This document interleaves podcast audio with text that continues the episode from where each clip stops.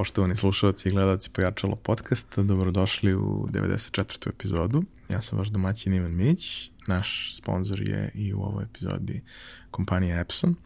A danas imam veliko zadovoljstvo da ugostim jednog izuzetnog čoveka koji se zove Vladan Stanojlović, a zovu ga Kika. I koji je, mislim, ja ga znam relativno dugo kao dizajnera, ali je takođe i osoba koja prethodnih godina se tablirala kao jedan od uh, najviđenijih ljudi na vinskoj sceni Srbije kada je u pitanju komunikacija ka, ka javnostima zainteresovanim i kada je u suštini promocija vinske, vinske kulture u pitanju. Jesam dobro predstavio? Pa može i tako, može. može mnogo načina, ali okej, okay, da, to je to.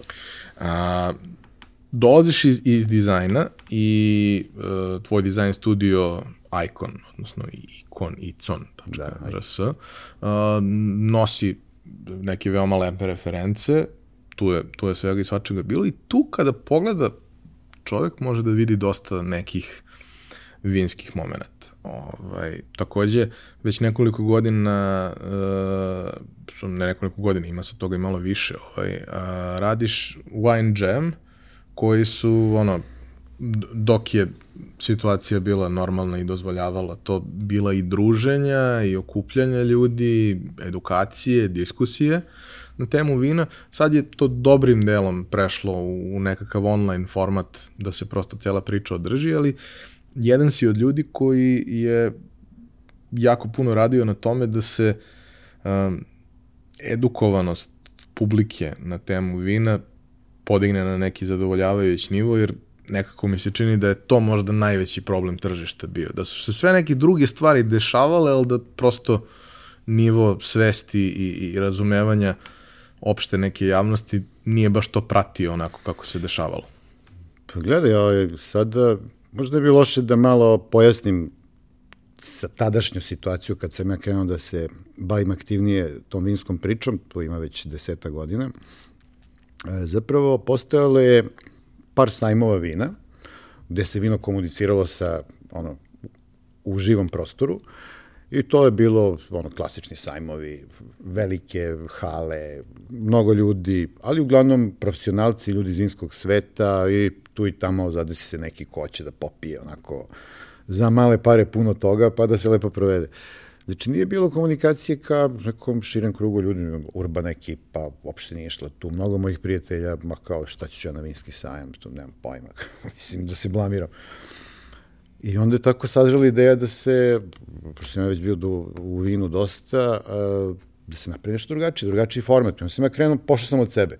Pošto se bavio komunikacijom, dizajnom, internetom, mi se i znamo iz interneta zapravo, iz tog sveta, s početka od 20. veka, ovaj, kad smo svi bili entuzijastični, ali napravilo se nešto, eto, to možemo da ovaj, kažemo. Dakle, iz tog ugla kad sam krenuo, ajde napravimo nešto drugačije, što se komunicira opušteno, cijela ideja je bila stvari približiti uh, vino i vinsku priču nekim gradskim, običnim ljudima koji prosto neće idu na sajam jer se ne osjećaju dovoljno stručnim, što je znači postojala neka greška u komunikaciji vina, to je da se ono komuniciralo na jednom vrlo visokom nivou, kao da se podrazumeva da smo svi mi ovaj, od osnovne škole već učili koje imamo regije vinske i sorte grožđe i tako dalje, kao u Francuskoj, što naravno daleko od istine, i svi smo ovde već zaboravili da su neke babe, prabave i pradede ovaj, imali svoje vinograde. Znači, otuđili smo se od toga u socijalizmu. Krenula je neka nova renesansa krajem prošlog, početkom ovog, ovog veka što se tiče naših vinara, ali ta komunikacija je ostala onako, kako bih rekao, vrlo, vrlo štura, vrlo ograničena na broj, mali broj ljudi koji su a mislim da su i neki doprinosili time namerno mistifikujući, ne bili svoju poziciju ojačavali. I ajde se ne dužim dalje u tom pravcu, u svog slučaju rodila se da se napravi wine jam, e, znači to se dogodilo, događaj je dogovoren, odmah je zakazan online, Facebook event, sve, sve preko Facebooka, ništa ovako, znači, bilo jako čudno i vinarima i ljudima iz tog vinskog sveta šta ovaj radi sad, šta je ovo. Odmah je krenula komunikacija, tipa zezanje, urbano, muzika, vamo namo i na kraju se dogodio taj događaj koji u to vreme, pored neka dva ili tri sajma u Beogradu, je bio nešto potpuno drugačije. Uh, razbilo je tu ustavljenu formu, bilo je hiljadu ljudi nekih koje toga gomila vinara, koje vinari nisu uopšte ni poznavali. Što znači da je taj model uspešan rođen, to je jako brzo odjeknulo i po regionu, odmah su zvali iz Zagreba da radimo to, jer je, onako, imala je dobar, bavim se brandingom i dizajnom, pa sam ja sve to ispratio, naravno, u komunikaciji s tim detaljima. Sve to dobro izgledalo, potpuno novo u tom trenutku. Ja mislim da je u roku od godinu dana prosto ceo region eksplodirao sa nekim novim idejama. Ali ja mogu ponosno da kažem da je to bila neka inicijalna kapisla koja je, pošto svi se mi pratimo tu od Slovenije do Makedonije, preko društvenih mreža i o, viđamo se često i po sajmovima, tako da znamo šta se događa. Tako da danas imamo jednu, što se tiče same te komunikacije i prezentacije vina, dosta bogatiju ponudu. Wine Jam je ostao naravno po meni ovaj, na dosta visokom nivou, s tim što ja ne ispucavam se mnogo brzo, jer sam u međuvremenu shvatio da ne treba mnogo brzo pucati ideje, jer tržište ipak sporije reaguje ali najvažnije je da se dosta ljudi oslobodilo da dođu na wine jam i prosto probaju vina, pitaju vinara, ja, ja nemam pojma, daj mi šta preporučaš, volim ovako ili onako. Tako da se začela ta jedna komunikacija koja približava ljudima vino na jedan opušten način. Zapravo vino je to, zašto? Da bi se zabavili, nam bude lepo, na kraju kraja se družimo, malo ko pije vino samo, glavno je to s nekom dobrom ekipom i super nam je tako.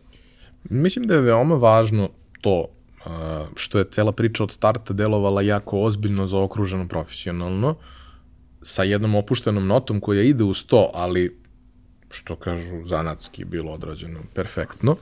Ovaj, i, I neki moj utisak, a ja često ovde pričam sa ljudima o stvarima u koje se ne razumem dovoljno, pa volim kad me oni nauče, a verujem da nauče nešto i, i publiku, to je i ideja iz, iza ovog razgovora. Meni se čini da da je postojala polarizacija u komunikaciji vina u, u, u dve krajnosti, a to je da postoji to nešto ezoterično, nerazumljivo. Tajno društvo e, vinskih I ljubitelja. postoji nešto banalno, potpuno, ono, do, do nivoa Oni što dna. sirće, da. Na, ono, kao, to, najbolje vino je do 200 dinara, kao, dobro. Ovaj, a da je ta neka, kao i u društvu, što ono, dušu društvu najčešće daje neka srednja klasa i sve što ona nosi sa sobom, ovaj, da je zapravo to nešto što smo možda dobili kroz ovo, kroz ta dešavanje i kroz možda tu otvoreniju komunikaciju i priliku da uh, i oni koji možda sebi po tržišnom udelu i finansijskoj moći ne bi mogli da priušte da budu vidljivi, budu vidljivi zato što zaslužuju da budu vidljivi. A to neko relevantan može da proceni. To si jako lepo definisano. Pa, mislim, kažem, da. fenomenološki sa strane gledano to mi tako deluje. Ja sam čovjek, pričali smo o tome, ja sam čovjek koji e, o vinu, a i o većini drugih stvari razmišlja na način sviđa mi se, ne sviđa mi se. Jer... U suštini si upravo.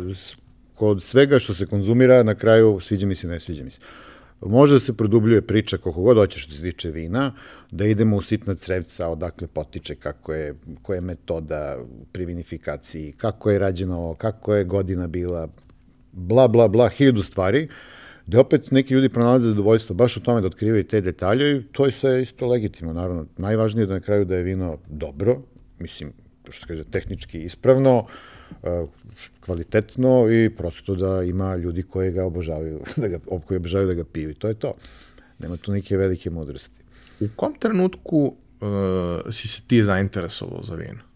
Pa gledaj, ja sam vino prvi put kupio, recimo sam 20 godina, otišao u supermarket, C-market, ne znam šta je bilo, da je bila najbolje snadbevena prodavnica i ajde kao gledam neka uvozna vina i ne znam, teo sam možda neku devojčicu da impresioniram i nešto da imam i tako dalje. U svakom slučaju to je bilo vino koje je tad bilo nešto najskuplje, ali bilo je možda kao sad kad bi koštalo 700-800 dinara. Mislim, neko vrlo prosječno francusko vino.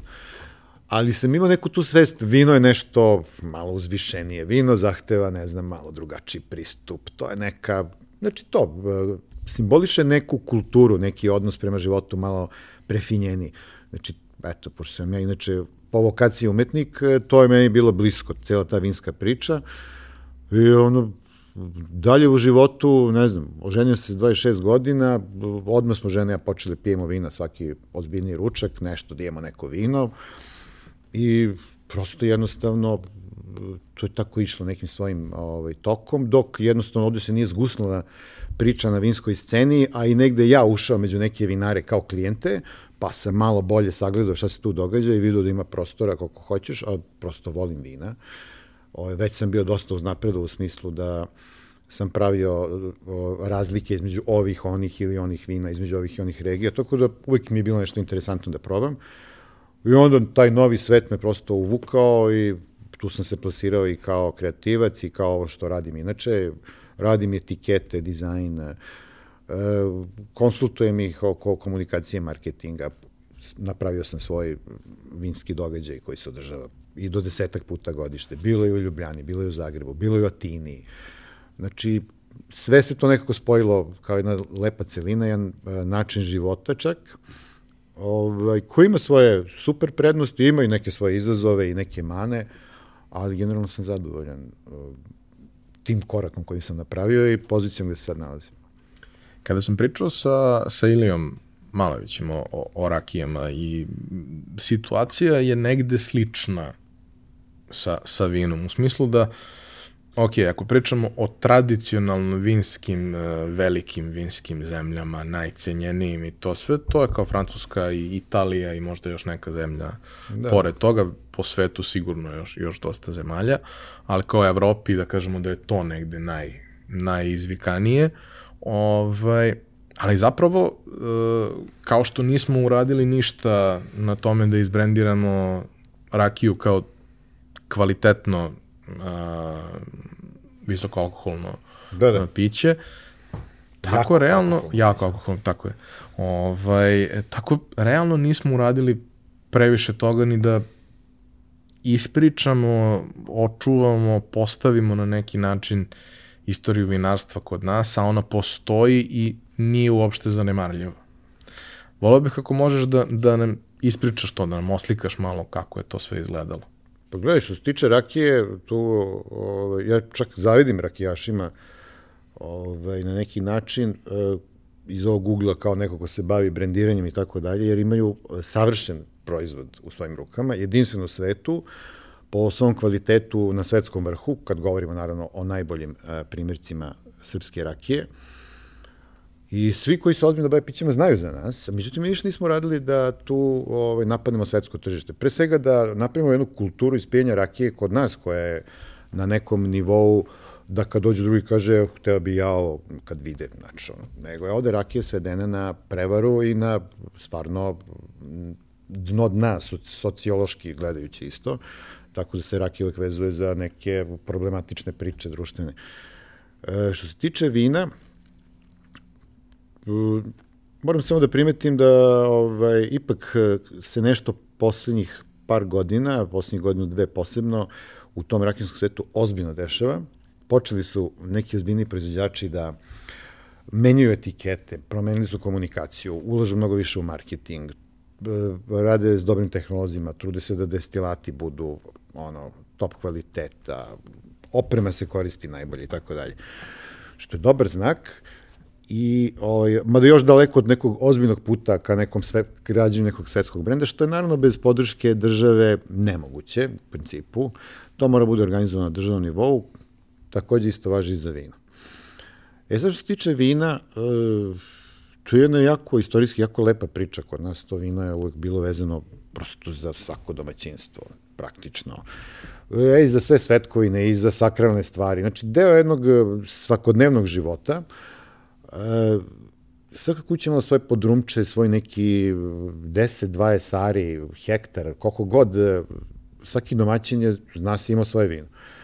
Bukvalno do pre stotina godina, čak i posle rata drugog svetskog, opstajalo je to tu i tamo negde, ali naravno sve to mogu da se radi samo za privatne potrebe, ne i za tržište, jer je država preuzela sve i kroz taj period e, mi smo dosta nadrljali, prosto smo izgubili vezu sa tim nekim identitetom vinskim koji smo pre imali.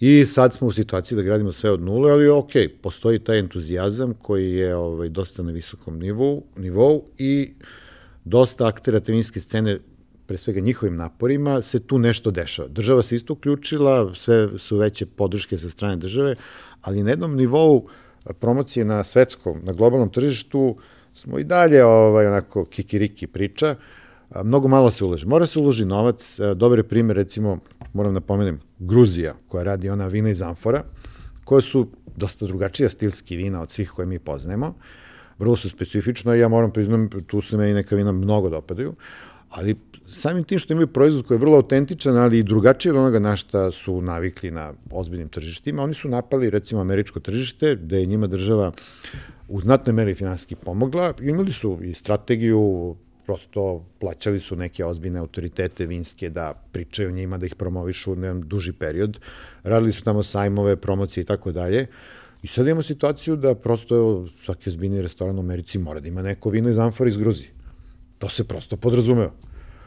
Mislim da tako imamo tržištu, obzirom kolika je zemlja Gruzija, nije prevelika u odnosu za Ameriku i koliko oni to prave. Mislim, oni su ozbiljan posao napravili i napravili su svetski brend od svega toga što oni rade.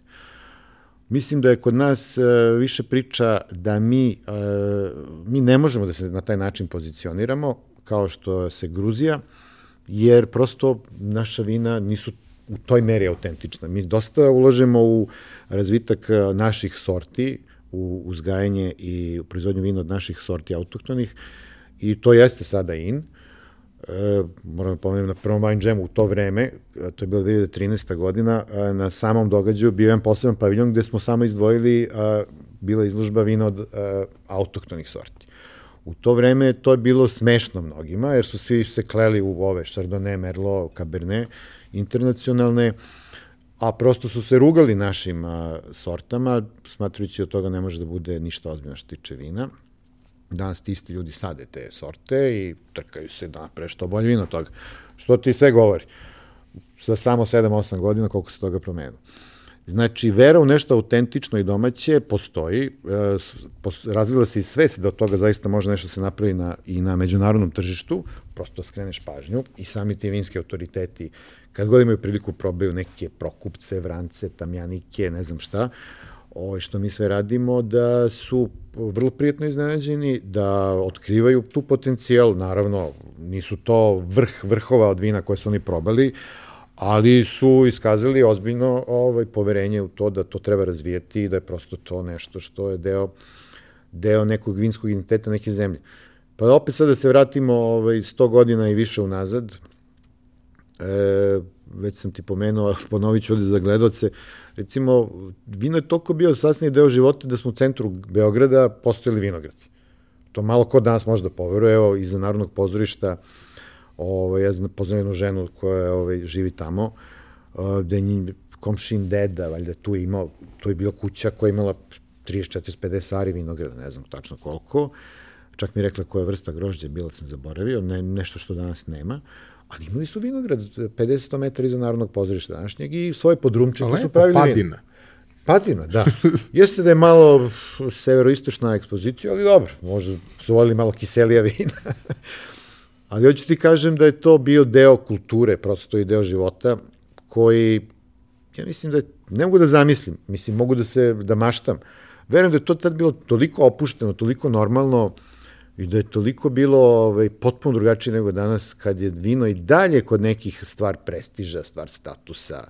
Pa ne znam, ljudi uđu ovaj, u neke ovaj, zbiljnije pare, odmah piju najskuplja vina. Mislim, šteta za njih. Super, drago mi je da uživaju i drago mi je što ipak e, troše pare na vina, pa i neki drugi ljudi vine, pa požele to dobro je za razvoj vinske priče, ali nije loše krenuti nekim putem, stepenicama onako prirodnim. Super je, probaj sad neko vino koje košta 500 eura, pa ga probaj posle ponovo za tri godine kad si malo razvio ukus, vidit ćeš da si bacio pare ovaj prvi put, jer nisi prosto ništa osetio, kao kad bi seo u Ferrari i voziš ga u prvoj, mislim. Uh, kao što si pomenuo, negde ovaj, rakijska priča se razvijala onog trenutka kada je stiglo znanje, a zapravo se počela razvijati na pravi način onda kada je znanje o tehnologiji upareno sa znanjem o komunikacijama, brandingu, pakovanju i svemu tome, da, jer krajnji proizvod da bi bio zaista fantastičan, mora da ima kombinaciju svega toga. A, vino je negde... Vino i ne.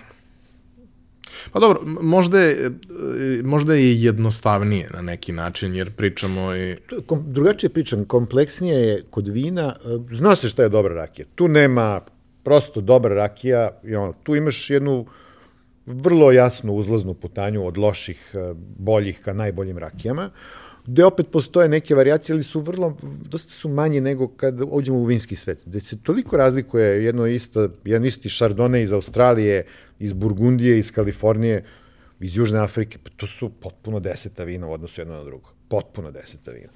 Tako da, pa još kad pomnožimo koliko ima raznih e, podloga gde, gde raste vinova znači zemljišta, tipovi zemljišta, što isto utiče mikroklimatski uslovi, pa ne znam, pristup ovog vinara je ovakav, pristup onog je ovakav, pa opet tu variacija bezbroj. Znači imamo prosto jedan skup, bezbrojan skup mogućnosti kako vino može da bude. Kako vrhunsko vino može da bude. Tako da... Za, za dosta nekih domaćinstava, posebno negde dole ovaj, u, u, u Šumadiji i, da kažemo, delu zapadne Srbije, gde je malo brdovitije i tako dalje, ostalo je to da kao kada dođeš kod domaćina, on iznese svoju rakiju i sve to što, što ide i svi oni se kunu u svoju rakiju i tako dalje. A, koji su, kroz vreme, koji su bili vinski krajevi u, u, u našoj zemlji i koji od njih su opstali, šta su neke karakteristike tih krajeva? Pa izgleda da smo mi nekada u 19. veku recimo pod Turcima je bilo malo restrikcija što se tiče, ovaj, nije, islam ne, ne dozvolja alkohol, pa je tu, mada se održalo i tu ovaj, poprilično ovaj, neko, makar bazično uzgajanje vinove loze i pravljenje vina. U 19. veku je nasto procvat, svakako, i izgleda da je tada bukvalno svako domaćinstvo imalo neki svoj vinograd. A kao neka tradicionalna vinogorja, naravno postoje ovaj, vek, dugi niz vekova kao prepoznate vinogorja. Fruška gora i Župa su možda istorijski naj, naj ovaj, istaknutije.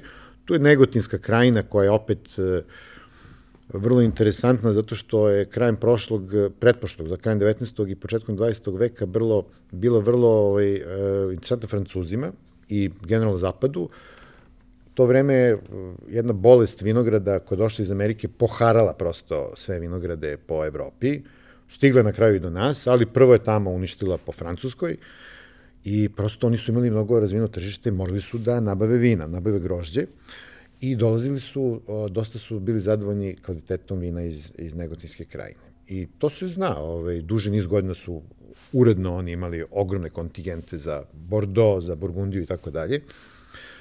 E, tako da ta Negoljska krajina i, i danas se naravno dokazuje kao specifično vinogorje. Tako da, eto, to je nešto što je e, tradicionalno, malo krupnije gledajući, Danas je Šumadija dosta ovaj, razvijena, dobro su organizovani kao udruženje, ima puno vinarija. E, to je to krupno gledajući, naravno. Gledajući manje lokacije, imamo ih baš dosta. Imamo oko Beograda Beogradsko udruženje, recimo, Beogradski reon, mi imamo brend Beogradsko vino, koje uopšte ne koristimo. Kao što ima Beč, na primjer, imaš uh, Yorksko vino. Iako su vinogradi 100 milja na Long Islandu, oni ga zovu New York wine. Napravili su toga savršen brend, čak par njih je otvorilo vinarije u Brooklynu ili ne znam gde, dovoze to grođe, tu prave vino, to je na prodaju po ozbiljno skupim cenama, prave super priču. Ja sam pričao sa vinarima iz okoline Beograda, Međutim, oni nekako niko se dogovore, nažalost, ovaj, jer mislim da je to super priča. Ovaj, te manje, manje ovaj, uh, lokacije, manje, manje regije mogu napraviti jako specifične priče. Mislim, znaš da u Nišu evo, ima, imamo i tu malo vinogorje, imamo jednu vinariju koju znamo bojica, ovaj, koja je jako mala, jako se lepo probila među poznavacima. Znači, svako ko ovaj, radi dobro, autentično, pošteno, kvalitetno, naći će put na svo, do svojih uh, konzumenata na vinskom tržištu, jer prosto ljudi su i dalje gladni nečeg novog i dobrog. A da se vratim na ova tri, to jest na dva, ajde, Fruška Gora i Župa, Župa je naravno, ono je već još ono 12. vek, uh, ne znam, povelje Nemanjića, dodeljivana su, ne znam, Hilandaru, Metosi sa tog područja za uzgajanje grožđa. Mislim, tako da se tu vidi prosto da je to vekovima prosto jedno, mislim, svako ko se ile razume u vinogradarstvo, kad ode tamo pogleda, prosto je rođeno za ono, za vinovu lozu i jednostavno drugačije. Čim pređeš ta brda koja ga okružuje, sve već nije to isto to. Fruška gora, s druge strane, u srednjem veku, nekom, kad je tu bilo, kad su bili Ugari, uh, Mađari 15. i 16. vek e, dok Turci nisu došli do to, dotle su ta vina su se smatrala za najtrženijim u Evropi. Frušagora je bila ono number one u Evropi to vreme. On do, dolskom Turaha u te područje ti Mađari su uh, otišli severno i prosto Frušagora kao vinogradarsko područje se dosta ugasilo, ali sada se to diže ovaj, dosta visoko, vrlo interesantno zato što je Evo, to je priča sad o teroaru. Ima raznolike mikrolokacije što se tiče zemljišta. Ima postoje nivoje gde nalaze ostaci školjki, kao nekada mora, te ovi tipovi ta tla, te oni tipovi tla. Tako da kod više vinarija koji su na različitim pozicijama, od jedne iste sorte možete probati potpuno drugačije vino. Što je jako lepo. Drugo, interesantno je što je blizu Beograda, tako da taj turizam lokalni jako lepo cvete tamo. To je isto nešto što ovaj, Srbija kao zemlja treba da, da istakne kao prioriteta razvoj. Znači, tog lokalnog vinskog turizma po meni uh, uz gastronomiju, što više lokalnih, autentičnih stvari i dobra vina, taj neki trougao po meni je nešto što može da uh, nacionalnu ponudu zaokruži i ponudi svetu. Znači, mi da budemo destinacija, a to što neki maštaju da će da izvezu milione boca u Kinu i Rusiju, mislim, to je nešto drugo. To nije nacionalna priča, to je želja nekog da se obogati. A ako hoćemo da budemo ozbiljna država, što se tiče toga, mislim da je ovo ovaj, prava priča. Ne mislim, to je dokazano a, i drugi su to zaključili i dovodili smo strance, stručnike, vodili smo ih po tim vinogorima, gde su ljudi prosto videli jedan potencijal, ne mogu da veruju da prosto jedan da nešto ulažemo u to. I to sve privatno. Tako da mi smo veliki talent e, koji Nadam se da će se ostvariti što pre, ovaj, realizovati. A mi radimo na tome. Treba da ispričamo priču uh, koja se dešavala na tržištu od početka 90-ih na ali bih volao pre toga, pošto si se dotakao toga, ali nismo dovoljno možda objasnili, postavili celu stvar uh, na pravi način, to je, uh, jeli, sirovina je grožđe. Grožđe ima mnogo različitih sorti sa vrlo nekim svojim izraženim specifičnostima. Da. A, jedno vreme je bilo vrlo aktuelno to da se određene sorte uvoze i sade zato što daju neke određene karakteristike, možda je to komercijalno imalo najviše smisla. Da.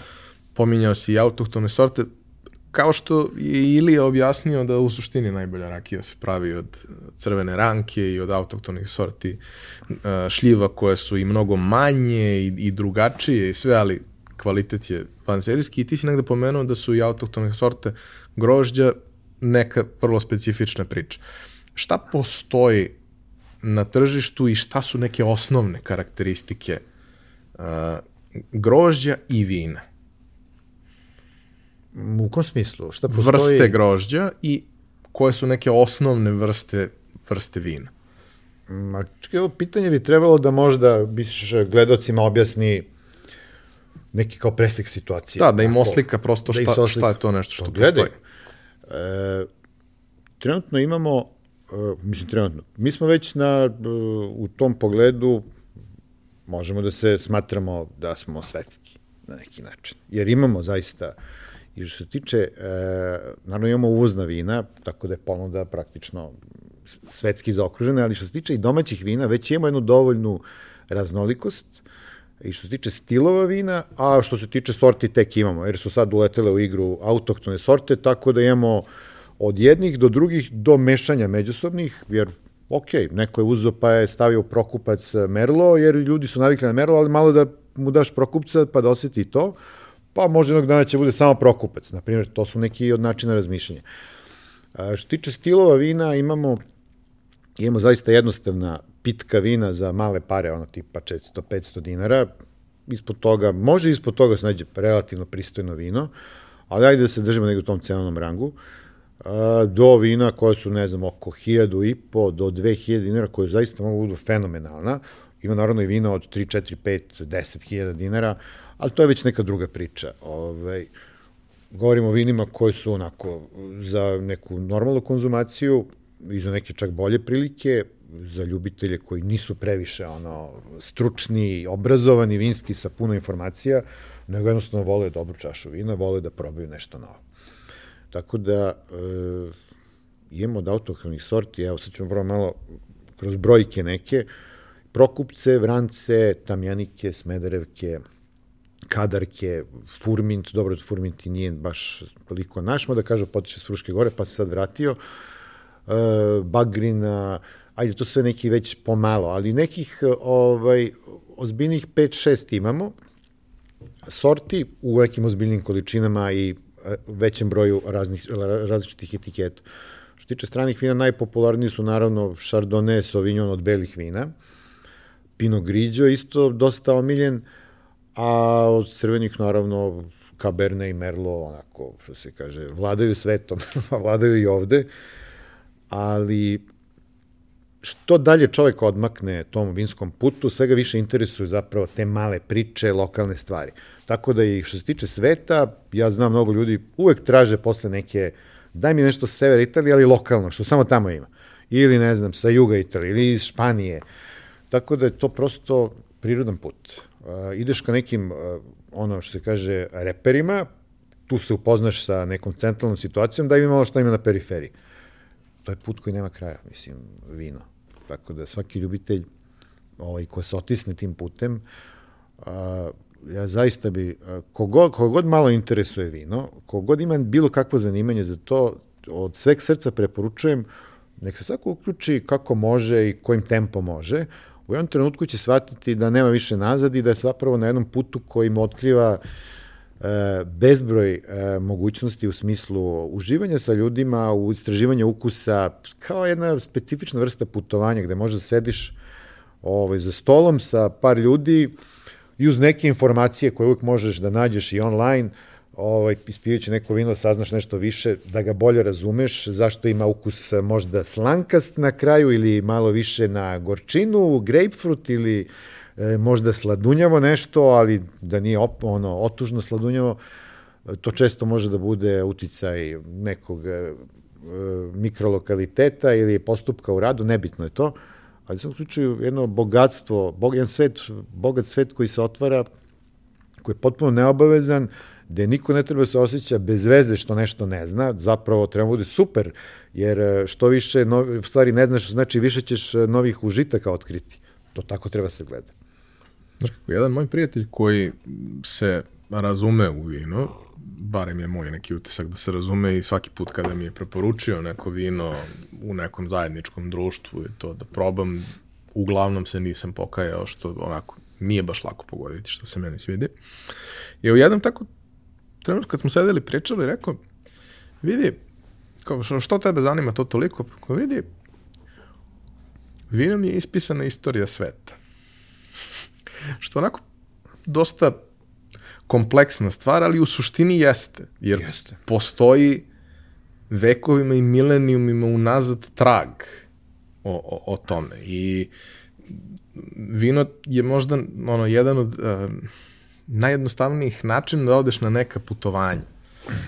Ovaj, čak i sada, to je nešto što je kao došlo kao posledica uh, razvoja ovog našeg tržišta koje je bilo vrlo konzervativno zatvoreno i tako dalje, ali kao ti sada, kada odeš u bilo koji veliki market, imaš vina iz skoro celog sveta, imaš piva iz mnogo zemalja, iz mnogo malih kraft proizvodnji, imaš sireve, imaš svašta, dobro, toga još nema možda u, toliko nema toliko, količini, ali počinje to. Ali svega toga ima neuporedivo više u odnosu na to kako je nekad bilo i ako te zanima, više ne moraš da uh, imaš svog čoveka koji s vremena na vreme dovozi od negde, nego zapravo tih prvih nekoliko koraka, ta ulazna barijera se spustila, ti možeš da probaš mnogo toga već i sa rafova velikih prodavnica. Možeš. I imaš sve više ljudi koji se bave uvozom ne preterano velikih količina upravo tih nekih malih proizvođača iz različitih regija i kao bolji restorani u gradu koji stvarno drže do, do, do, do svoje ponude, mogu da ponude te neke stvari koje nisu, sada već ima i ozbiljnih, da kažemo, vinskih uh, barova i svega toga, ali kao drže do toga da u ponudi imaju neke stvari koje oni smatraju sjajnima, ne zato što moraju da ispune kvotu. Da, da. Ovaj, da šta imaš crveno i belo, nego kao imaš nešto što iza čega možeš da, da staneš. Ovaj, kako se cela priča, rekao si da je ona prilično zamrla tokom godina komunizma, ali da, da je to 90-ih počelo da se, da se vraća na neki način. Mi smo imali velike fabrike, velike fabričke proizvodnje, ali to je sad neka, neka priča koja kvalitetom prosto ne može da najverovatnije isprati. Da, to nas ne standard. zanima u principu, makar ovoj priči.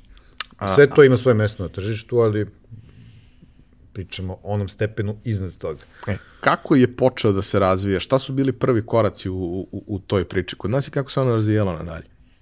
Pa 90 godina baš, evo, poznati vinar Radovanović, on je prvi krenuo zvanično, on je on prvi krenuo privatno da radi, čovjek koji ima iskustva u velikoj fabrici vina, što se kaže, ovaj, počeo je na svom porodičnom imanju sa mamom i tatom u podrumčetu, mali podrum, napravio je Riesling, Grajnski, belo vino, ponudio nekim restoranima da probaju i onda su ga mahom svi krenuli da ga zovu, da još ovoga ljudi hoće ovo. I to je bio početak. Mislim, vrlo jednostavno zapravo. E, situacija je bila svedena na par velikih tih e, masovnih proizvođača industrijskih i vino su zaista bila ovaj, nižeg kvaliteta, nisu bila uzbudljiva, moglo se nađe iz inostranstva uvek nešto, tu i tamo, po naravno mnogo skupim cenama, ovo je bilo neka regularna normalna cena, a dobro vino i prosto eto, ovaj, uvek se od malih stvari kreće, vidi se da može i onda su krenuli i drugi. Tako da, šta je bilo bi još pitanje? Kako se prosto, stvari su se razvijale i nadalje, ok. Pa jeste. Oni znači, su krenuli prvi. Taj... Sada već ima nekoliko tih, da kažemo, relativno velikih proizvođača. Jeste. Baš što se tiče velikih, oni isto ovaj, idu u, u korak sa trendovima. Uh, sad se više traže mali proizvođači, onda su veliki uzeli pa naprave, uh, ne znam, kupi neki tamo mali domain, od 3 hektara i kaže sad ćemo pravimo ovde samo vino odavde i napravit ćemo pod brand koji će se zvati tako i to je sad jedno top vino koje košta malo više, tako da oni pokažu da i oni znaju da naprave top, top vino u kategoriji ovi, s ovim drugim. E, to naravno na kraju treba sami ovaj, konzumenti da kažu da li je to isto toliko ovaj, dobro kao i neko drugo koje zaista samo to radi, e, ali to je druga jedna priča.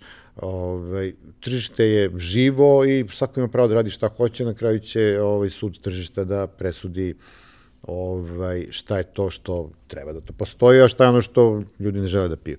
Što naravno treba vremena, kod vina se stvari mnogo sporije razvijaju, baš zato što je e, ceo vinski svet mnogo kompleksniji i mnogo veća raznolikost među vinima nego recimo pomenuo si piva, kao specifično putovanje kad krenemo da pijemo vino što se ne može baš reći za pivo. Jer vino, ok, raznolikost među pivima je za poštovanje, posebno sa uplivom ovaj, kraft e, pivara, gde se stvarno taj svet pivski mnogo obogatio i zapravo se I približio. I zakomplikovao i približio na jedan način tom vinskom, baš po toj kompleksnosti, gde moraš već da znaš da ovaj stil, ovaj stil, ovi ukusi, ove arome, počinje tu da se nešto dešava. O, nije samo navi flašu i udri. Uh, Znači, ta cela kompleksnost e, kod vina ne treba da beshrabri ljude, nego zapravo, to isto kao s putovanjima. Bio sam, ne znam, u Grčkoj, bio sam na Siciliji, bio sam, ne znam, u, na Jadranu. Ovaj, da li bi otišao, ne znam, na Havaje? Naravno, nikad nisam bio, pa ali naravno bi otišao. Tako isto treba da i sa vinima. Probaj, ok, nađi neki svoj stil koji ti se dopada. Neko voli blaža vina, neko voli puna jaka vina ali po celom svetu imaš toliko toga a, različitog da je zaista šteta propustiti svaku priliku ovaj, kad ti su, koja ti se ukaže, a da ne probaš nešto tako. Jer je sve je to novo iskustvo, svaki ukus a, ima razloga zašto je tu ako je vino autentično, Tako da, mislim da kogo to zanima, to je jedna knjiga beskrena, samo listaš, listaš i sve zanimljivije i zanimljivije. E, šta su bili potrebni preduslovi da, da dođe do, do, tog razvoja? Odnosno, koliko je tu značajna a, komponenta tehnologije, znanja, svega toga? Jer kao, ovo je bilo negde prethodno fabrička proizvodnja gde Pa jest. Sve fun funkcioniše u vrlo predvidljivim okolnostima po nekim uslovima industrijskim i ovo je sad Postoji već... što se kaže recept, tehnologija i to se tako radi. I naravno potrošači očekuju da svaki put to vino bude isto tako, koji su na nižem nivou svesti u smislu konzumiranja vina. E, slično i kod piva, recimo. Postoji tehnologija, postoji neki recept i to je to. E, kod vina je zapravo drugačije. Ti da ako hoćeš da napraviš zaista autentično dobro vino, ti možeš da platiš e, nekog majstora enologa koji će verovatno ti napravi zaista uh, neki maksimum u tom trenutku od tog grožđa sa tog uh, parčeta zemlje i tako dalje. Međutim, i tom najboljem enologu treba će pa bar jedno desetak godina da prati taj vinograd i da prati šta se događa u podrumu, da on nađe, prosto da oseti šta se tu događa, da, da oseti taj život samog vinograda, samog podneblja, kako diše, plus kako se ponaša vino u podrumu, u buretu, u, u sudovima, kroz godine u boci i tako dalje, kako se razvija, da bi možda za 10-15 godina zaključio da je ovo i ovo možda najbolja metoda da se pravi vino na ovom mestu. E, tako da tu, tu nam je glavna rupa što se tiče, ovaj, zato što nema taj kontinuitet e, decenijski i vekovni, koji je prekidan nasilno na ovaj, na ovaj način. Da recimo Francuzi uh, imaju taj kontinuitet. E, Italija ima taj kontinuitet. U Francuskoj tu imaš šatoje, to 300, 500 godina, tu, tu niko ništa nije dirao, tu se samo radi. Ok, vinogradi dotraju, dođu 100 godina, pa posade nove, ali se, e, znaš šta, ti kod vina, kad e, kreneš da praviš vino kao vinar, moraš da praviš greške prosto i nemeno. I ako puno znaš, ako imaš dobro analoga, neke greške su, jer neke su stvari nepoznate. Ti si prvi put tu i desit će se uticaj nečega što ti nisi mogao da predviš. Živa stvar. Tako je, živa stvar. E sad, e, kad pričamo o Francuzima, oni su te greške odavno napravili. Sad znaju kako se tu ponaša ta vrsta loze i mm, u tim uslovima prosto imaju mnogo poznatih i vrlo malo nepoznatih. Uzorak od 500 godina, pa je dosta lakše. Jeste, tako da tu ne trebaš puno objašnjavati.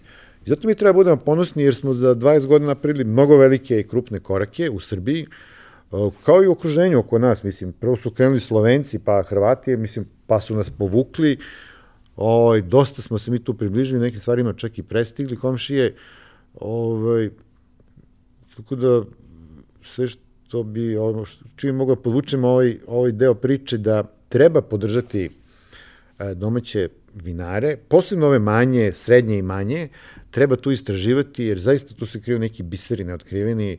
Ovo, ovaj, ja dan danas, iako sam prošao i uzduži popreko sve, otkrivam neke nove stvari, e, stvarno možemo da budemo ovaj, vrlo ponosni i tu mogu snađu stvari kad dođe neki gost iz inostranstva i ko se razume da mu iznesemo to je kažemo, pravaj mi će ovo da vidiš da nismo ni za bacanje. I zaista nismo.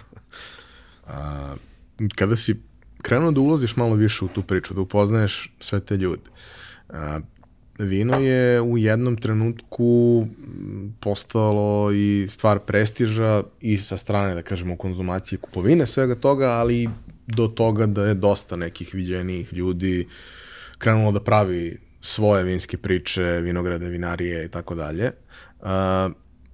Volio bih da ne gledamo ko je u pitanju, nego šta je proizvod šta je iz, iz tvog iskustva i, i, i razgovora sa, sa, sa tim ljudima, šta je motivacija onih koji prave najbolje vino? Pa njihova motivacija je upravo to, da naprave najbolje moguće vino. Da je naprave proizvode za koga stvarno mogu da stanu. On će stati svakako, oni su, to su, ajde kažemo, to su zaista vinari koji žive s tom, s tim parčetom zemlje, sa tom lozom. E, na kraju, znaš, taj čovjek koji od e, samog vinograda do podruma sve može da iskontroliše, znači to su uglavnom manji vinari, jedan čovjek ne može da iskontroliše proizvodnju, ne znam, od 100, 500 hiljada boca, ali nekih 10, 20, 30 hiljada boca možete kako da iskontroliše i da ono što je zamislio sprovede u delo. E, ajde, neću kažem da oni ginu tamo, oni to mnogo vole, to što, što rade i prosto uživaju u tome i nije, ne pada im teško. Iako su to veliki napori, velika odricanja u smislu nas koji smo navikli na neki standardni život, prosto on tamo mora da bude, mislim, pa mu se desi grad, pa mu se desi ne znam šta ovo, ono, i veliki su i rizici.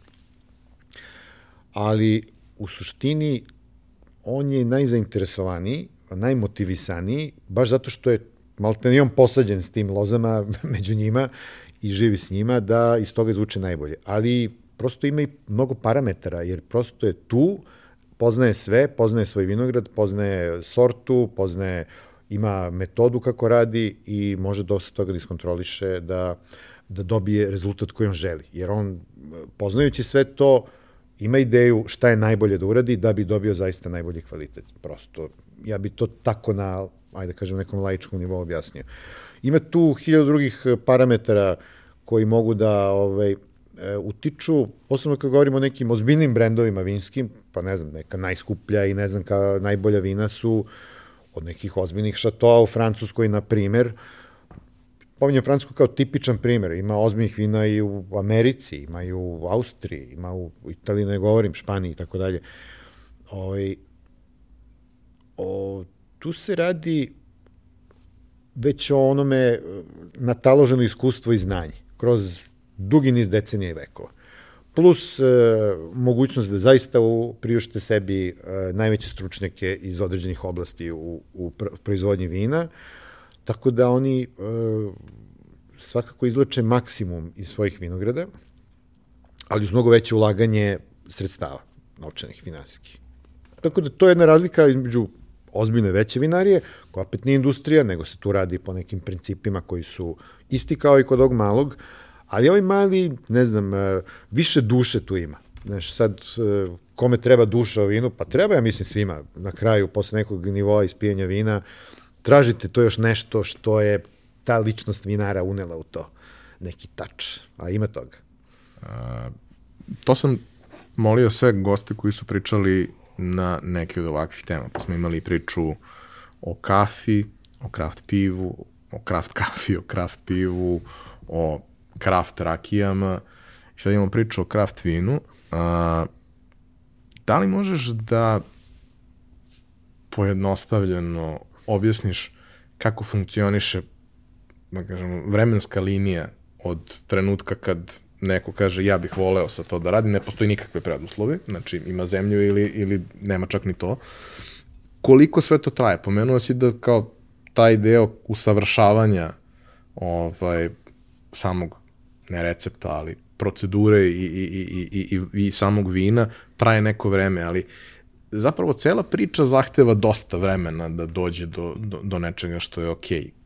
Kako je to vreme podeljeno? Šta su, šta su stvari koje tu treba da se desi? Pa gledaj, kad se uđe u tu vinsku priču, dosta toga zavisi s kojim motivom je čovek krenuo to. Ako je krenuo da zaradi pare, uh, mora mnogo dobro da radi da bi njegova deca ili unuci dobro zarađivali od toga.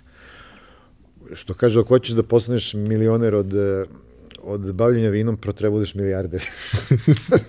Jer mnogo košta za ozbiljne neki zahvat. S druge strane, ne treba, uopšte ne želim da ovima obeshrabrim bilo koga ko ima i, i, i ole kakve neke a, afinitete ka vinogradarstvu i vinarstvu. To može se radi iz hobija u vrlo malim količinama.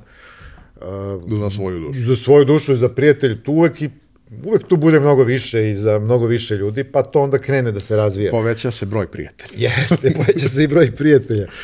Ovo, tu zaista ne treba mnogo, može se već radi nekom postojećem vinogradu, sama tehnologija pravljenja vina jako u suštini u osnovi je jednostavna i možete napraviti vrlo jednostavno, ali pitko, zdravo, lepo vino e, sa, uz možda nekog savjetnika o, i sa vrlo malo ulaganja sredstava. Tako da sve zavisi šta čovjek hoće. A hoće da živi od toga, hoće da njegovi naslednici to rade, to je jedan drugi put koji zahteva puno koraka, ali opet ta postavka, ne znam, se dođeš na golu zemlju, ok, uzmeš zemlju, posredeš na analizu, gde ti neki institut za to kaže, slušaj, ovde bi ti najbolje uspevalo ova sorta, ova ili ova, pa ti vidi, sad imaš, ne znam, ili ovaj klon ove sorte, da ne komplikujem dalje, ima tu mnogo detalja. Pa onda ti nabaviš te ovaj, sadnice, pa posadiš, pa čekaš jedno 3-4 godine za prvi rod, da počne malo, pa ne znam, on, on pun potencijal počinje da daje vinograd u 10. godini, recimo 20. Ali već od četvrte, pete ti možda imaš berbe, što se kaže, i da praviš uredno vino. Za uh, jedno vino ti treba od, taj ciklus traje naravno od proleća do, do jeseni, vegetativni od loze od kadolista dok da ovaj svoj plod, pa onda jedno par meseci da se to vino proizvede, napravi neka vina crvena, odležavaju godinu dana, dve godine u burićima i tako dalje, pa onda u flaši još neki period, što se kaže da omekša, bela vina idu mnogo ranije, sveža, uglavnom, E, tako da kažem, ajde, od neke nule do nekog prve boce vina, ako neko hoće malo da proizvodi, da se već bavi time ovaj, i olezbinije, nekih 5-6 godina, uh, 5 godina, ajde da kažemo da zaokružimo, je sasvim dovoljno da dođete do jednog pristojnog rezultata uz neka sredstva koja nisu mala, ali nisu ni ogromna i pritom treba imati u vidu da i država Srbija počela da subvencioniše ovaj, takve uh, ovaj, takve avanturice preduzetnika koji hoće da idu vinarstvo, što je jako lepo i neophodno. Tako da ja se nadam da će ovo možda nekima da da ideju gde da ulože neki mali novac ili malo veći pa da krenu da rade neke lepe stvari. Ja, dosta nas ima neku zemlju s kojom u suštini nema ne nikakvu jasnu viziju šta bi moglo da radi. Sad naravno različite, različite kulture koje, za koje se opredeliš zahtevaju više ili manje održavanja i svega toga i naravno nije lako doneti tu odluku jer na kraju dana neko time mora da se bavi. Vezuje, vinograd te vezuje za sebe, da, ako hoćeš da imaš nešto ozbiljno. A, znam da to pitanje nikad nije lako da, ovaj, ali sve sam pitao, pa moram i tebe da pitam. A, kroz ovaj period uh, upoznavanja sa scenom i sa ljudima i sa proizvođačima, uh, šta, koga bi izdvojio od tih nekih malih, zanimljivih, lepih priča za koje misliš da prosto treba ih posebno istaći iz nekog razloga, preporučiti ljudima da eventualno kada budu u prilici uh, probaju nešto neobično, a da, da, da je sa ovih prostora. Da li je neobično zato što je neobično dobro ili je neobično zato što je drugačiji od uobičajenog, da, da. ne mora da bude ne mora da bude bitno, ali kao šta je tebi ostalo kao možda neki od najlepših utisaka? Što se tog zadnjeg dela pitanja tiče, stvarno nemam pojma. Puno je mnogo lepih utisaka, ali zaista, bez preterivanja. Zapravo svaka neka degustacija sa prijateljima, poznanicima, saradnicima donese nešto mnogo lepo. Bude tu i promašaj, ali uvek na kraju izvuče se nešto lepo i na kraju bude lepo. Tako da s te strane jako teško dati neki ovaj precizan odgovor. Zapravo ceo taj proces je, i taj način života ima mnogo svojih lepih strana. E, pritom, da se odmah nema tu ono, sad se mi ubijamo od vina i dok ne padnemo. Mislim, dešava se da se popije i više i tako dalje, ali vino je, sad opet da malo široj publici, e, nije piće, vino je kao hrana, jeste ima alkohola, da, i ono te stiže polako, baš zato je bitan taj tempo kojim piješ vino, kad piješ malo više, mnogo je to bitnije nego količina koju si popio. Kažu, ja mislim da matinci, mi ne pijemo na, na litre, mi pijemo na ure. Što znači to. Jer takva mu je priroda, struktura, taj procent alkohola 12, 13, 14% je negde duplo veće od pivskog i više, a opet dosta manje od nekih žestina i to dejstvo alkohola dosta sporije dolazi. A, tako da je jako bitan taj tempo kojim uživate u vinu i naravno procen, po, prosto procenite svoje mogućnosti, koliko možete, da li nešto jedete uz to i tako dalje, jer je potpuno bez veze da sebi dozvolite da preterate s nečim da bude loše na kraju, uh, što ima sve preduslove da bude mnogo lepo. Znači, vrlo malo treba voditi računa, samo malo odgovornosti i sve će bude super, što se kaže. tako da, e, da se vratimo na ono deo pitanja koga bi ja izdvojio, koje priče bi izdvojio. E, generalno bi se uhvatio manjih e, proizvođača, baš zato što je tu i najviše entuzijazma i najviše energije za potrebno za istrajnost i najviše vere u sobstvenu ideju. To su po meni pravi preduzetnici koji su krenuli od onoga što imaju. Lako je nekima, i svaka čast naravno, ako je neko uložio neke milione u super objekat, u ogromne vinograda i tako dalje, ali nisi krenuo od nule. Ovo, ovaj, to je jedna priča, a neko ko je krenuo od nule, zaista, neke svoje dedovine i ovaj, sam vrlo malo ulaganja, ali rešen da napravi ozbiljnu priču, autentičnu, da se izbori za sebe, to uvek zavređuje svako poštovanje. I to ne samo u vinu, naravno, bilo koje oblasti, tu ćemo se složiti svi, ali nije lako u vinu, zato što postoji mnogo rizika koji prosto ne zavise od tebe. Neki klimatski uslovi, na primjer. Evo sad imamo COVID situaciju gde prosto restorani mnogo slabije rade, koji su glavni kanal prodaje i nema događanja, nema sajmova. Prosto tržište vina je u padu. Ovo, šta da rade ti vinari? Toliko su uložili, imaju neke berbe koje su taman bile spremne na proleće, cap, krenulo ovo, šta da rade? Znači, rizika koliko hoćeš. Ovaj, što opet nije razlog, ali aj, to je neka druga priča, recimo na zapadu je skočila uh, konzumacija vina. Baš zato što su se ljudi zatvorili u kuće, ne troše na restorane i na velike skupe večere, sve u vino, ovaj, dostava... Žela sebi da ugode. Dostava, naravno, žele sebi da ugode. I tamo je vina, prodaje vina čak skočila. Ali opet da se vratimo mi na osnovno pitanje. na primjere, pozitivne neki primjere. Pozitivni primjeri. Pa, ajde da krenemo od severa, od juga, nemam pojma. Imamo na severu ovaj, Oskara Maurera, recimo, vinara mađarskog projekta, koji je naš, naravno, ovaj, koji se bavi vinom 20-30 godina, ali on je pionir u pravcu pravljenja prirodnih vina, recimo. To je taj uh, pristup gde čovek prosto radi sve u skladu s prirodom, bez korišćenja hemijskih sredstava u, u vinogradu, u podrumu nema onih selekcionisanih kvasaca. Sve znači se dešava spontano, vino se zgnječi, vri, znaš ono, nekad je devojka gazila, pa to se ocedi, pa sok počne da fermentiše, onda se to, ne znam, stavi u neke sudove, to traje, posle se pretoči i to je to.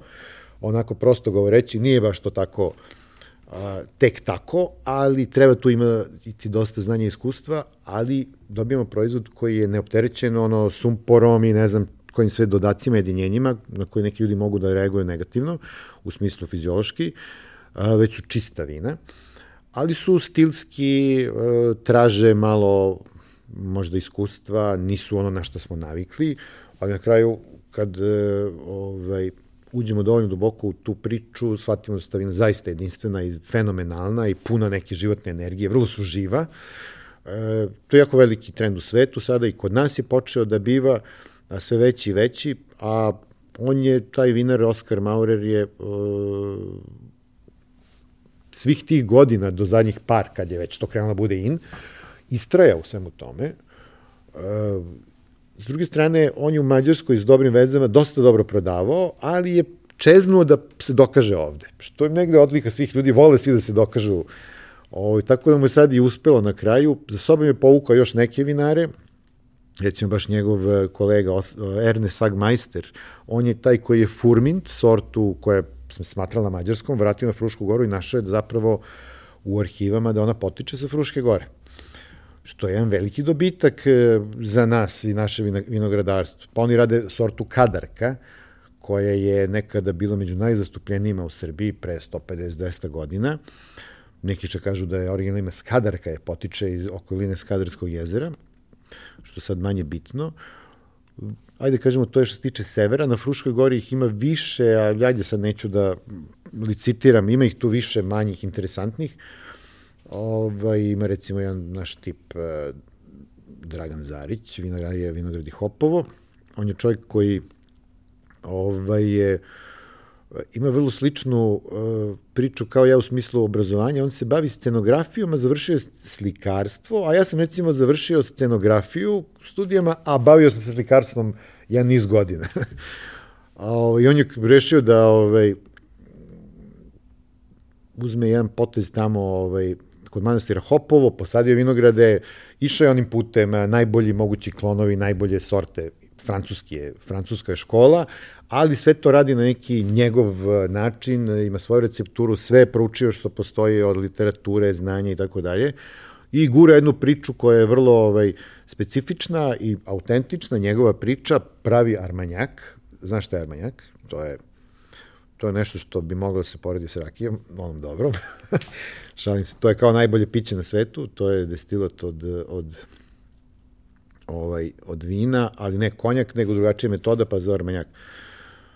I po tome je interesantan. Onda kad odimo u župu, recimo imamo vinariju Budimir pod Deda Budu, svi su čuli vjerojatno za Deda Budu, vinarija Budimir je moderna vinarija, ali Deda Buda je tip koji čovek od 87 godina koji ima svoj podrum koji radi svoja vina, radi potpuno tradicionalno kao što radio njegov deda i tako dalje. I on je recimo jako interesantan za, baš zato što je on predstavlja neki živi, živu vezu kontinuiteta sa nekadašnjim vinarstvom i vinogradarstvom, jer radi sve po istim principima kao pre 100 godina.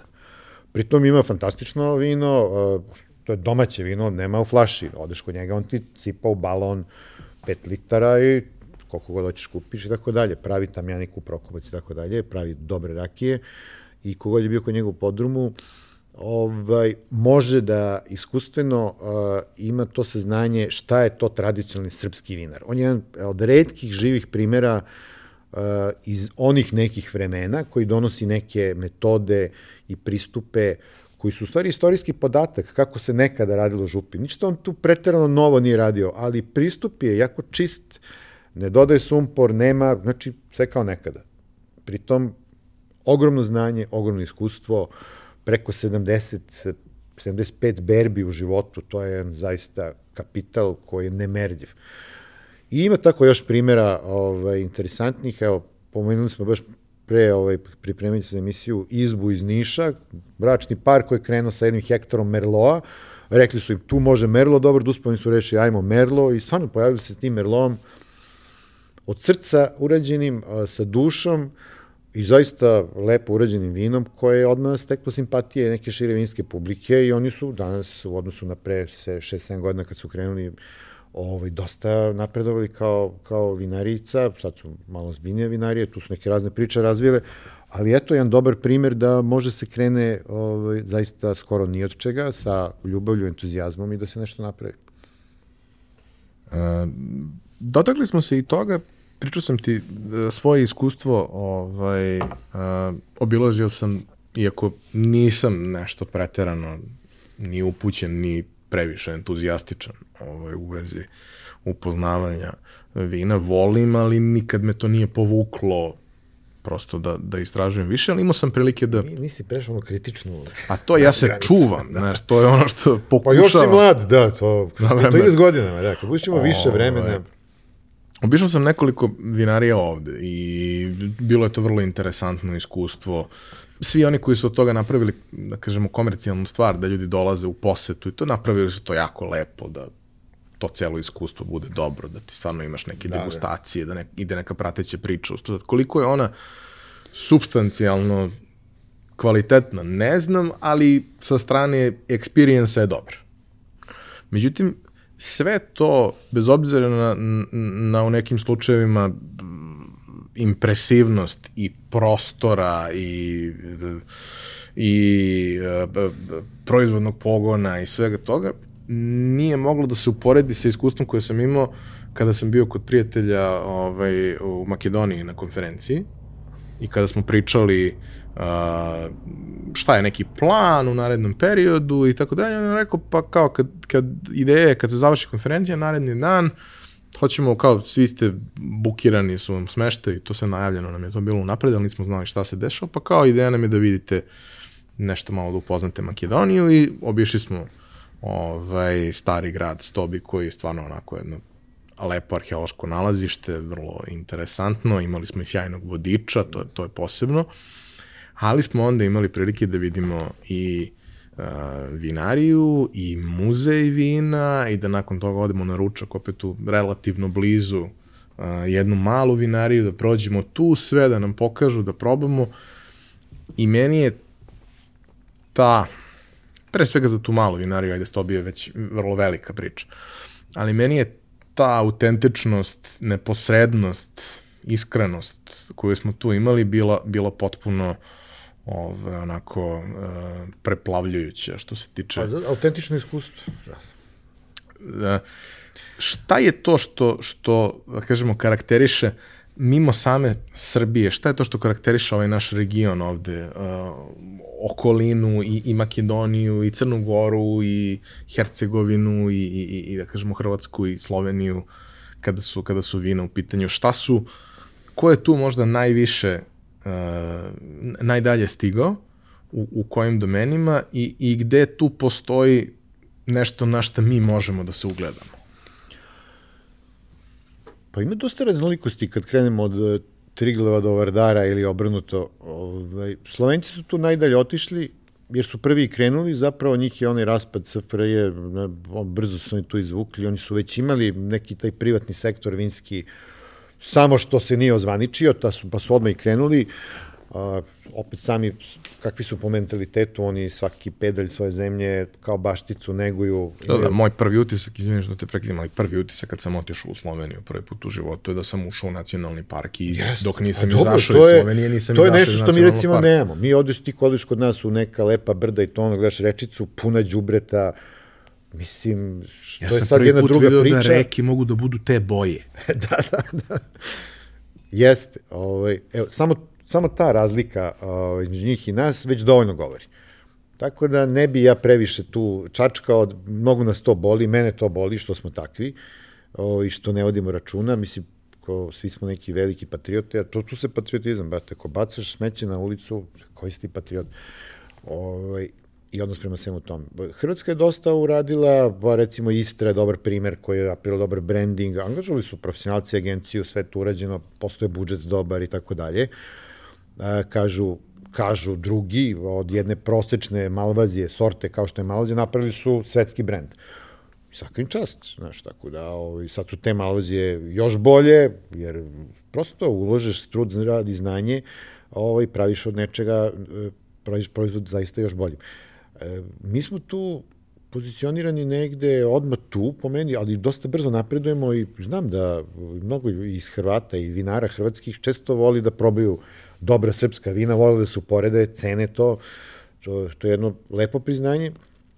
Što se nas tiče, ovaj, dešava se u Hercegovini dosta toga, tamo niču vinarije i po drugim čak delima Bosne, koje uopšte nisu tradicionalno vinarski, Crna Gora, kod Crna Gora, naravno, sve je vrhunski, šalim se, ovaj, ali oni su jedan dobar rasadnik eh, v sorti vinove loze, ampelografi, ovi što se bave baš samom biljkom, ovaj, tu njih ko herbarijom jedan bogati, tamo je svašta ima, od nekih starih, doduše tamo je najzastupljeniji vranac, ali drže do sebe, drže toga makedonci opet e, bogom dano za vina i generalno ta kao celina jedna, to je kao jedan mikro gledajući globalno šta imamo od e, svih tih podneblja i stilova vinskih, e, mi smo jedan mali, mali, dobar mali uzorak, jer imamo i što se kaže ta severnjačka vina sa nekih viših nadmorskih visina hladna, e, što se kaže sa povišenim svežinama, do onih džemastih kao Kalifornija, što je Makedonija. Ovaj, do raznih varijanti između. Tako da, kao jedna celina, ovo nije politička stvar. Mislim, mi zaista bi mogli da smo ostali neka jedinstvena zemlja ili šta god, e, bez ikakve nostalgije, to generalno gledajući samo vinski, e, možemo da vidimo jedna interesantna celina na svetu malo. I sama Srbija je to, gledajući od severa ka jugu, koliko ima raznolikosti i po sortimentu, a i po uticajima klime i zemljišta i tako dalje.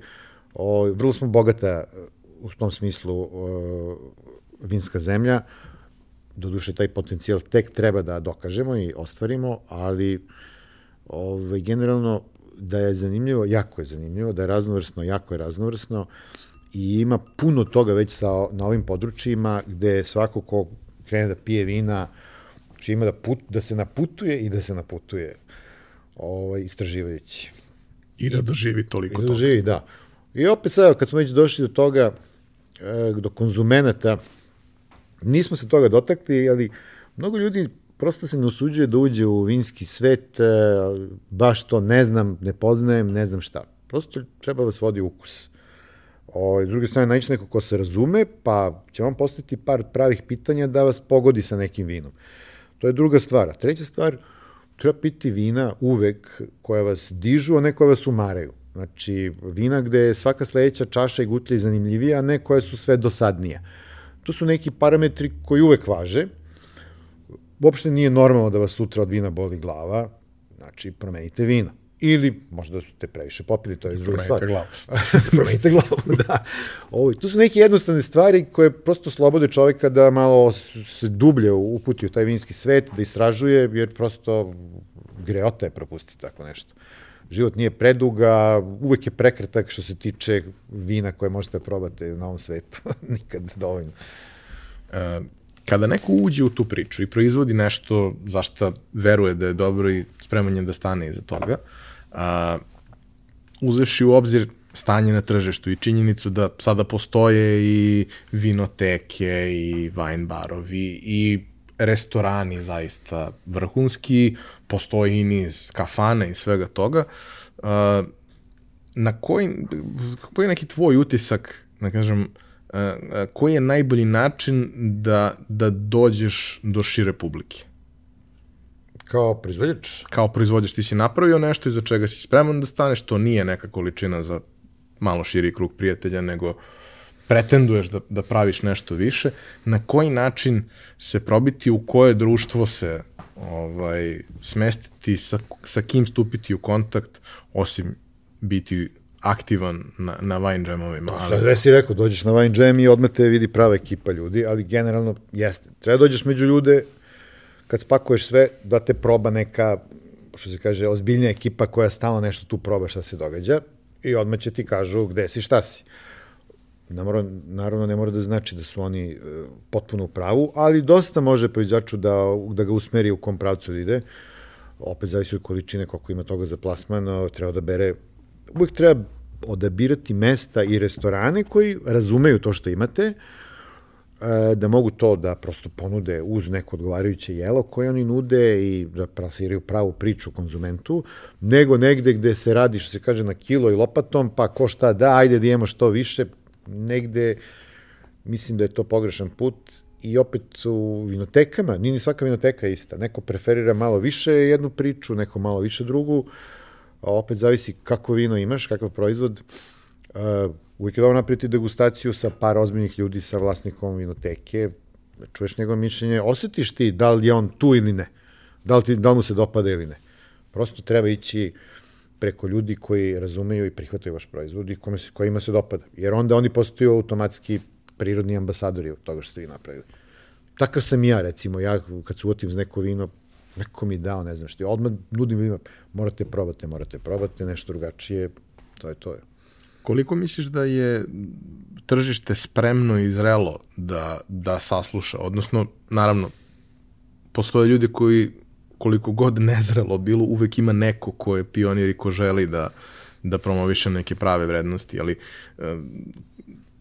to se prethodnih deseta godina razvijalo u nekom pozitivnom smeru. Više nije bitno isključivo da tu postoji na spisku e, isčekirano u svim kategorijama sve što treba, nego zaista, ok, moraš da imaš ono što ljudi traže najčešće, ako si okrenut ka najšoj republici, moraš da imaš ono što ljudi traže, prosto tako je. Misliš ako si restoran to? Da, da, da. Pa i ne moraš, ovaj... ako si hrabar. Dobro, ali vodit će se najčešće time da imaju ono što, što se najčešće traži, jer će pokušati i da neku svoju priču ispričaju to, uz to. Da li ti se čini da toga ima više? Da li, da li misliš da... Čega više, izvini? Da, toga da restorani i, i, i vlasnici i da kažemo, ljudi koji, koji vode takve priče i dobre hotele i svašta, žele da imaju nešto iza čega će stvarno hteti da stane. Žele da razumeju, žele da naprave prostor da se ne vodi isključivo profitom, maržom, cenom. Nažalost, gledajući celokupno, e, ne mogu to da zaključim. Nažalost, ipak vode ili idu linijom manjeg otpora, daj šta imaju drugi, daj da imamo i mi, ili idu za nekim interesom, neko će veliki da ponudi neke benefite, da on uzme njegovo vino i tako dalje. I nije moja rečenica, nego mnogih ljudi koje poznajem i koji se manje ovaj, interesuju za vino, ali vole da popiju tu i tamo, kažu da god odem, brate, sve iste vinske karte, ista vina, razlikuju se u 20-30%. Šta se događa ovo? E, malo je hrabrih, a recimo na zapadu e, gde je situacija na tržištu stabilna već dugi niz decenija, gde poslovanje se odvija prosto normalno, bez nekih velikih skokova. E, što se tiče ugostiteljstva i restorana, uh, ako restoran Iole drži do sebe, on će postati svog čoveka na određeni sajam vina, da odabere, da proba, da on odabere određena vina ili za neki, neki, neki širi izbor koji će oni doneti u restoran, pa će probati sa svojom hranom, da tačno upare sa svojom ponudom, da imaju neku vrstu raznovrstnosti, ali ne previše. I to je prosto jedan standard koji funkcioniše potpuno normalno, gde njihovi gosti ovaj, prosto imaju poverenja u somelija i konobara koji će, ako sam danas naručio, ne znam, patku sa ovim i ne znam šta, ovaj, u zavisnosti od sosa, on će mi predložiti levu obalu, Bordeaux ili desnu, lupam sad, ali prosto će me pogoditi sa vinom da ja ne moram mnogo da razmišljam, pa i naće me s nečim novim jer zna moj ukus, nego nametati ljudima ovaj, koji nisu dovoljno informisani i vinski obrazovani, uterivati ih u neki tor gde probaju stalno sve isto, jer je to marš dve oštrice. Oni će danas zaraditi neke pare, ali sutra ti ljudi neće da dolaze više tu, jer znam takve ljude koji su pre par godina bili jako zadovoljni tim nekim mainstream vinima koje se svuda nude, da, da, da danas, posle dve godine, recimo, ne mogu da ih smisle uopšte. Jer su prosto shvatili, u jednom trenutku su rekli da probaju nešto drugo i shvatili šta su propuštali. Zato što im je neko konstantno nudi ovo. A vino je kao dugoročan posao, mora se razmišlja strateški, onako malo da se zabaci dalje, da imaš neku viziju šta hoćeš i prosto znaš koji su koraci, jer tržište, mislim, oni mogu da se igraju s tržištem e, kroz neki marketing, reklame, nametanje to na licu mesta, da iskoriste nesigurnost e, gosta, pa da mu ti uvališ neko vino koje si baš teo da mu prodaš, ali to ne, neodrživo na duže stazi.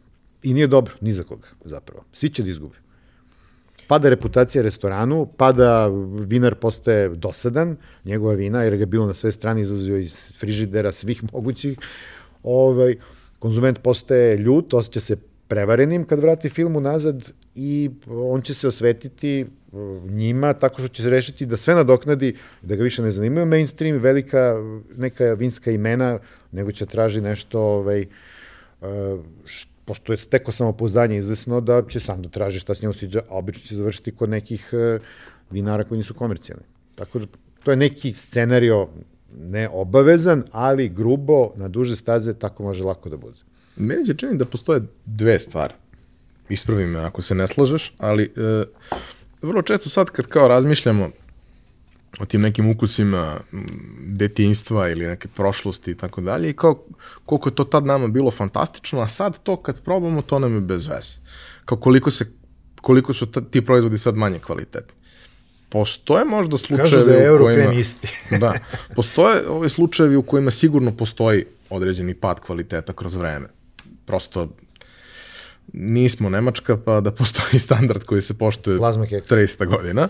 Ovaj, ali mislim da je zapravo mnogo veći problem, mada to nije problem, to što smo imali prilike da dosta ovako lepo treniramo nepca prethodnih deseta godina, da se mnogo toga novog, dobrog desilo ovde, da ti sad možeš da probaš neke stvari koje su van serijske. Ja to često pričam ljudima, kao, baš strancima, koji ili dolaze ili pričamo da dođu, pa sad dobro, COVID pa ne dolaze, ali kao dolazit u nekom narednom periodu, kao, šta je, šta je to kod Beograda što, što je tebi kao toliko wow, zašto želiš da dođemo svi ovde? Zato što ti sada u Beogradu možeš da pojedeš vrhunsku italijansku hranu, vrhunsku meksičku hranu, vrhunsku japansku hranu, azijsku, bilo kakvu.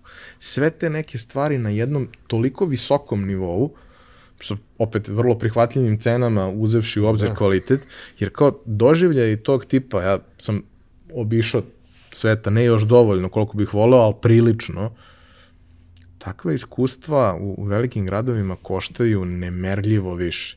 I, I dalje vredi ponekad sebi da ih priuštiš, ali ne možeš da ih priuštiš svaki dan ili svake da. nedelje kao što većina nas ovde može i da smo se možda malo razmazili time što nam je toliko toga dostupno, što ima toliko izbora, toliko kvaliteta, da smo počeli da te neke stvari od kojih smo krenuli, koje su nam bile baza, doživljavamo kao nešto što je potpuno potpuno bez veze. Da, da postoji i taj moment u celoj priči, da želiš više kada shvatiš da postoji više. Kad ne znaš da postoji više ili ti je to više negde nedostupno i daleko, Ne možeš ni da imaš velika očekivanja. Da, pomenuo sam jednu stvar, treniranje nepca, ovaj, što je, da, to mi je mali šlagvrt, sad znaš što hoću ti kažem, e, to treniranje nepca je zapravo super stvar, jer šta se time dobija? Probati različite stvari nije samo po sebi cilj. E, ja mislim, iz mog iskustva, a iz iskustva mnogih drugih koje poznajem, već da pronađete ukuse koji su, koji vas, ono što se kaže, rade, koji vas raspolože. To je vratno ima nešto hormonski, kad ti ne uživaš zaista u nekom ukusu da tebi se luči hormon sreće i to je sve, naravno, ovaj, mnogostruki benefit za čoveka. Znači, gde nađite ono što, što vama prije, što vama odgovara, to važi i za vina, uživajte u tome maksimalno i jednog trenutka će možda i to da vam malo, da nek, neću kažem dosadi, ali da vas više ne uzbuđuje toliko, to je znak da krenete dalje opet u istraživanja, jer i ukus je podložen nekoj evoluciji, ovaj, ti receptori silni u ustima, na jeziku i tako dalje, su povezani s nekim centrima mozgu, da razviju se neke nove sinapse, to je sigurno je dobro, recimo, protiv Alzheimera, ovaj, isprobavanje i to razmišljanje ovaj, aktivira dosta moždanih delova, ali suština je upravo to. to M lično uživanje, M kad eh, s nekim dragim ljudima to ovaj, delite, to je jedan doživljaj koji uvek priča za sebe. Da ne pominjemo putovanja, neka manja obilaske, što si pominjao vinarija, koje mogu biti od do i tako dalje, i na kraju ta gastronomija koja se to zakružuje. E, kakva je sada situacija sa, sa wine jamom? Situacija ona, epidemiološka je takva da Nema. događaji ne mogu da se održavaju Nema događaja, da, pa... Ali šta je ono što, što vi pokušavate da uradite uh, da bi održali prosto neku dobru energiju i da bi kada se kada uslovi to dozvole mogli da se vratite da, pa gledaj, ljudi su priču. ovaj Beograd je bilo je preko 100 festivala do sada u oko 7-8 godina razno raznih formata od manjih do zaista velikih manje velikih mnogo više manjih na različitim lokacijama i tako dalje, najviše naravno u Beogradu i ljudi se prosto navikli da Wine Jam je tu. Mislim, sad niko ne očekuje da se išta dogodi, jer zaista se ništa i ne događa, što se tiče događaja, ne rade prosto više i restorani su sabili su ih u par sati dnevno. Tako da on, Wine Jam kao brand, ok, treba onda da nešto nekim tim svojim pratiocima, ovaj, ok je, sad je taj online jedino, jedini kanal koji nam je ostao da možemo se družimo, ali možda više ovaj, ohrabriti ljude da se, ok, ostanite u nekom užem krugu prijatelja, ali što više se posećujte, razmenjujte neke boce vina, ovaj, to je možda wine jam, bi trebao da bude na mikroplanu, da svako ima svoj neki wine jam, da će se opusti, da pa nešto novo da probamo, ajde istražujemo. Evo, nude se razne vinoteke, distributeri i vinarije koje će vam dostaviti na kućnu adresu ovaj, paket vina ili više paketa ako želite, e, daju popuste, prave akcije. Prosto to je, ovo je situacija koja može se iskoristiti na dobar način u tom smislu. Sigurno imate i više vremena, svi. I manje se vozi, pa može više da se proba. Tako je. Ovaj, prosto jedna situacija koju treba iskoristiti, zaista. A što tiče događaja, meni nedostaju. Mi smo dva velika događaja jesenas uh, morali da otkažemo. Prvi bio Grand Tasting, koji je ono, okuplja najbolja vina i najbolje vinarije iz regiona, a drugi je bio Terroirs, koji se bavi već duži niz godina promocijom baš autentičnih vina sa ovih prostora i treba bude posleđen oranž vinima, koja nismo pominjali u ovom razgovoru, a možda bi mogli, pošto je neki novi trend, ali dobro, mislim. A šta su oranž vina? Oranž vina su vina od pomaranče. To su vina zapravo bela, vina koje su pravljena metodom pravljanja crvenih vina. To su nekada zvali žutina tamo na, u, u Dalmaciji recimo.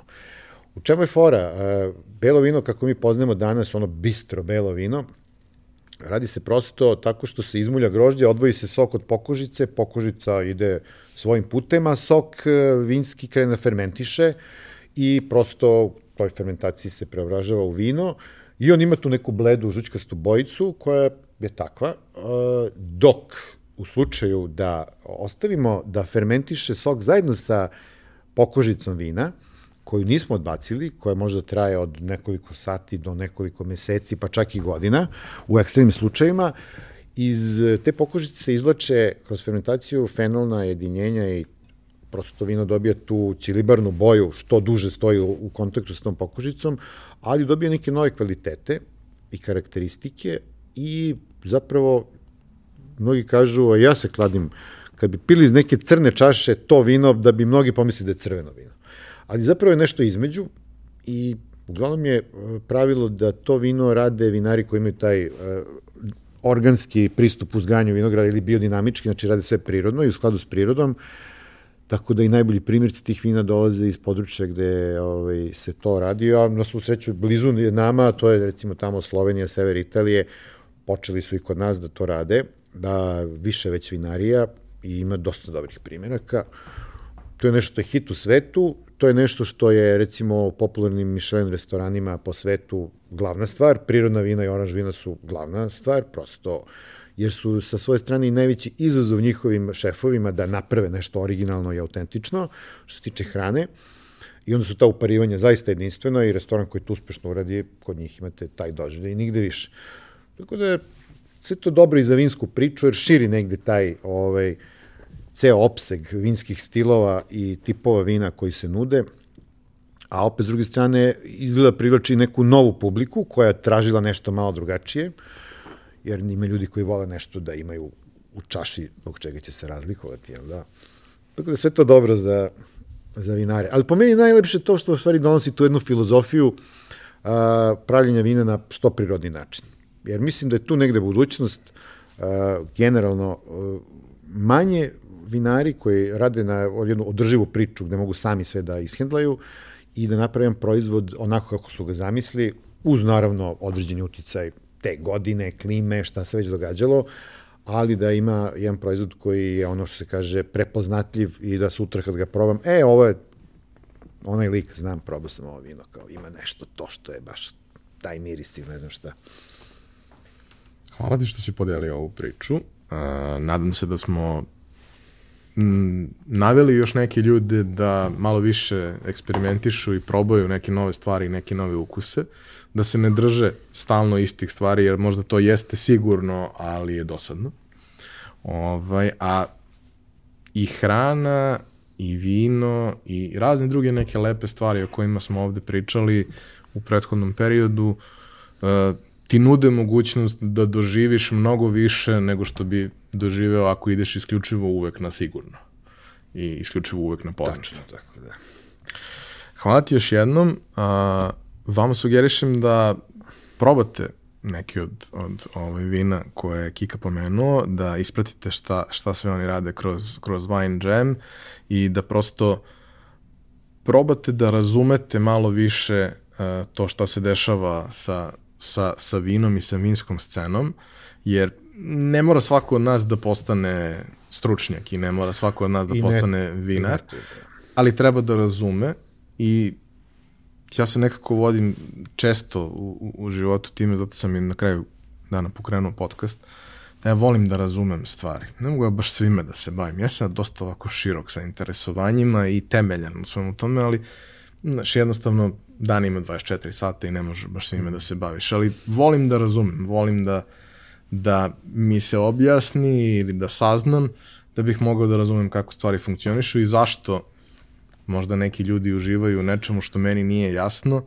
Mislim da je pre problem u meni nego u njima. Oni sigurno imaju razloga, ja treba da pronađem taj razlog. Pa dobro, ja, ja bih dodao nešto što tiče vina baš uh, da ohrabrim eventualno neki koji bi malo se dalje opustili u to istraživanje, da zapravo to što ne znate o nekom vinskom kraju ili o nekoj sorti ili ne znam, ako nemate informacije, to je najmanji problem. Ne treba da znate previše toga, ne treba znate skoro ništa, dovoljna je radoznalost i želja da nešto novo probate. A, a, samo, kad već doživite neko vino jako pozitivno i dopadne vam se, vi ćete sami posegnuti za Googlom i naći ćete informaciju o tom vinu ovako. Znači, bez opterećenja i ta informacija će biti deo doživljaja konzumiranja vina i zapamtit ćete. Ako napred iščitate gomile knjiga vinskih i to pobrkaće vam se sve, sledite neki jednostavniji put i prosto uživajte onome što vam se dopada, nemojte da silu pijete nešto što neko je rekao da je dobro i da mora da se proba, vama možda u tom trenutku ne odgovara ili trenutno volite neke druge ukuse. Tako da slušajte svoje čulo ukusa, ali ostanite radoznali. Hvala ti još jednom. Hvala Epsonu što nas podržava. Hvala vama što nas slušate i gledate. Kao i do sad, sve svoje predloge, komentare, sugestije, pitanja ostavite na za to predviđenim mestima na društvenim mrežama, a mi ćemo se postarati ovaj, da, da dobijete odgovore. Takođe, ovaj, kao i do sada, sve svoje predloge o temama koje, koje možda želite da obradimo ovaj, nam, nam sugerišite, jer ja se trudim da pratim i vaš feedback i neki moj unutrašnji feedback i da, da, da prođem sve stvari koje mene interesuju, ali i stvari koje, koje svakog od, od, od vas interesuju, tako da ovo jeste podcast koji ja vodim, ali ovo je naš podcast u kome se bavimo istraživanjem nekih zanimljivih fenomena, jer verujem da svako od nas ko se negde interesuje za preduzetništvo u, u osnovi, uh, može mnogo da dobije time što istražuje stvari koje mu možda na prvi pogled ne deluju uh, logično i poznato i da toliko nekih neverovatno zanimljivih i korisnih stvari može da nađe na mestima na kojima ih ne očekuje i da ih onda integriše u svoju ideju, svoj neki budući poduhvat, biznis, projekat, da, da, da je to prosto ovaj, neverovatno. Eto, toliko od mene. Čujemo se i vidimo sledeće nedelje.